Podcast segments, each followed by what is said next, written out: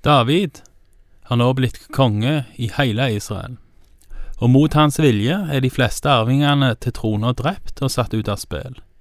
Den eneste linja som er igjen, er den lamme Mefiboshets og hans sønn Mika, som vi skal komme tilbake igjen til seinere. Dette var da barnebarn og oldebarn til kong Saul. David har erobra den hellige stad, eller den hellige by, Jerusalem, og gjort den til Davids by. Nå skal David òg gjøre Jerusalem til Guds by, og til hovedstad òg på den måten, med at paktsarken føres til Jerusalem.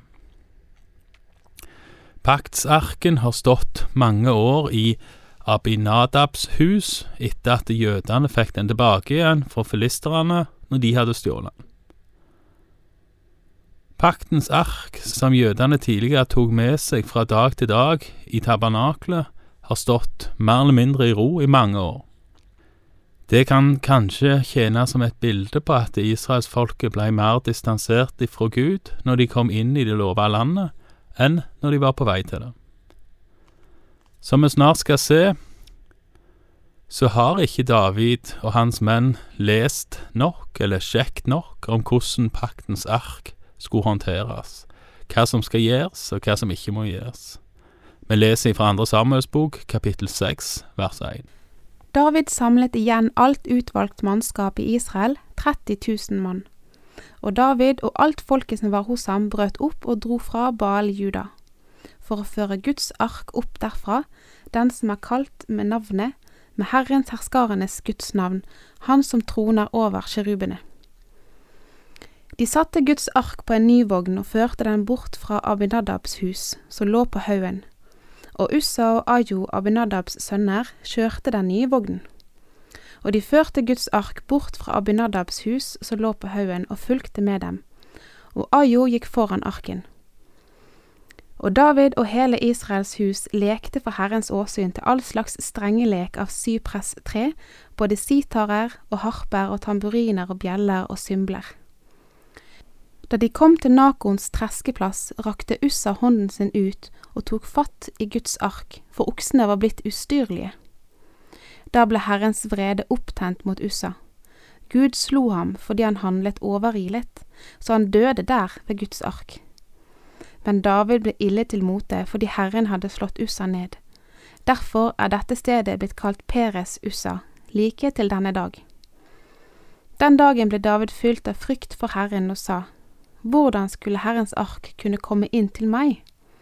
Og David ville ikke flytte Herrens ark opp til seg i Davids by, men lot den føre bort til gititten Obed Edoms hus. Dette er en eh, ganske vill historie, og det virker som at eh, David på en måte gir litt opp. Det som skulle vært en gledens dag, blir det ikke. Det blir en dødens dag. Ussa, sønn av Abinadab, dør. En kan da spørre seg om hvorfor. Ville det vært bedre om han lot arken dette i bakken når oksene eller stutene ble ustyrlige? Nei, det hadde nok ikke vært en god idé. Men feilen ligger før. Feilen var allerede gjort når de valgte å kjøre paktens ark på ei vogn.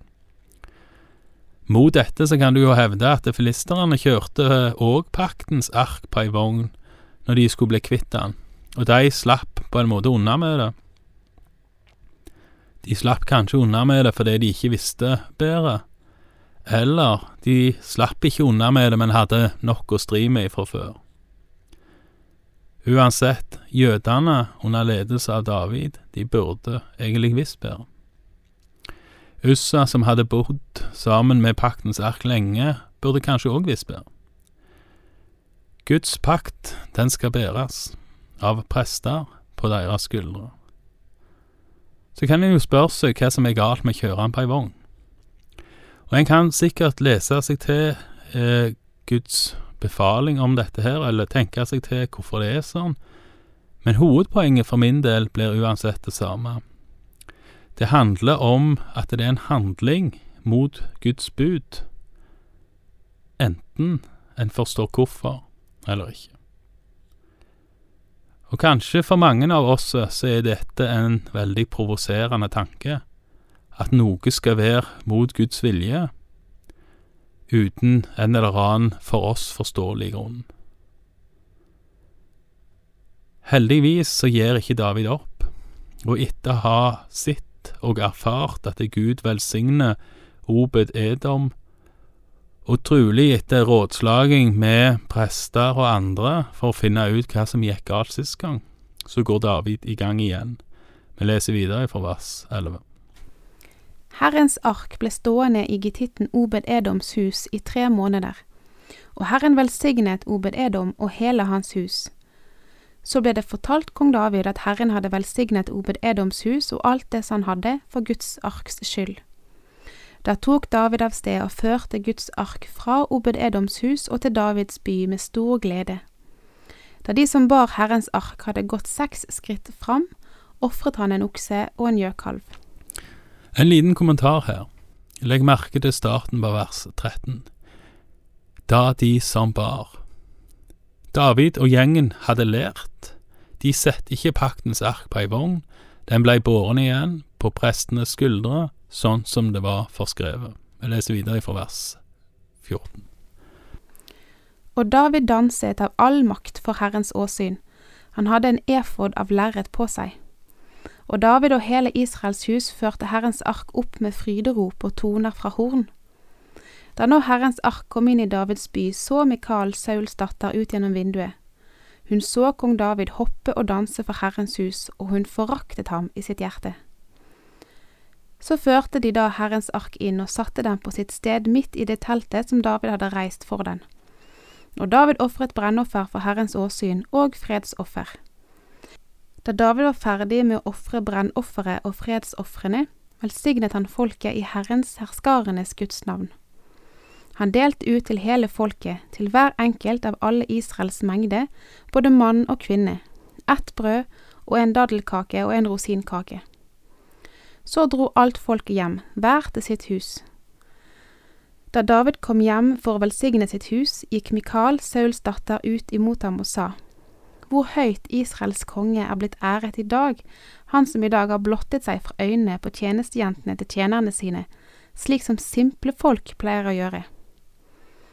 Da sa David til Mikael, For Herrens åsyn, han som utvalgte meg fremfor din far og fremfor hele hans hus og satte meg til fyrste over Herrens folk, over Israel, for Herrens åsyn har jeg danset, og jeg vil gjøre meg enda ringere enn så og bli liten i mine egne øyne og de tjenestepikene du talte om, sammen med dem vil jeg æres.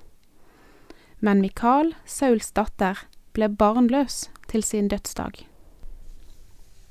David lykkes i å få paktsarken til Jerusalem, og han setter den på plass i møteteltet, i tabernaklet, og dette skjer med mye styr. Det ofres både brenneoffer og fredsoffer, og det synges og det danses for Herrens åsyn. Og kongen sjøl, kong David, han er med i tilbedelsen. Og på den måten så gir han offentlig uttrykk for at det der finnes noe som er større enn han, at det finnes noe som òg David, kong David, skal tilbe, noe som er over han. David gir offentlig noe annet enn seg sjøl æra. Kanskje vitner det om at David er så trygg på seg sjøl at han har muligheten til det. Kanskje vitner det om at Gud er så viktig for David, og at Gud er så tett på David, at David ikke har noen problemer med å vise at han tilber Gud. Men inni Davids eget hus står hans første kone, Mikael, og ser på, og hun liker ikke det hun ser. Ironi er vel kanskje ikke det virkemidlet som brukes mest i Bibelen. Men her må vel Mikael forstås ironisk, når hun sier hvor mye Israels konge er blitt æra i dag, han som har blotta seg for øynene på tjenestejentene til tjenerne sine, slik som simple folk pleier å gjøre. I noen oversettelser så står det at David dansa naken. Siden det står at David dansa uten kongelige klær og bare i en kjortel, så er det nok ikke da heilt naken, men mer som en vanlig mann. Og Mikael anklager David for å være nettopp det, en vanlig mann. Uansett, svaret fra David til Mikael er skarpt.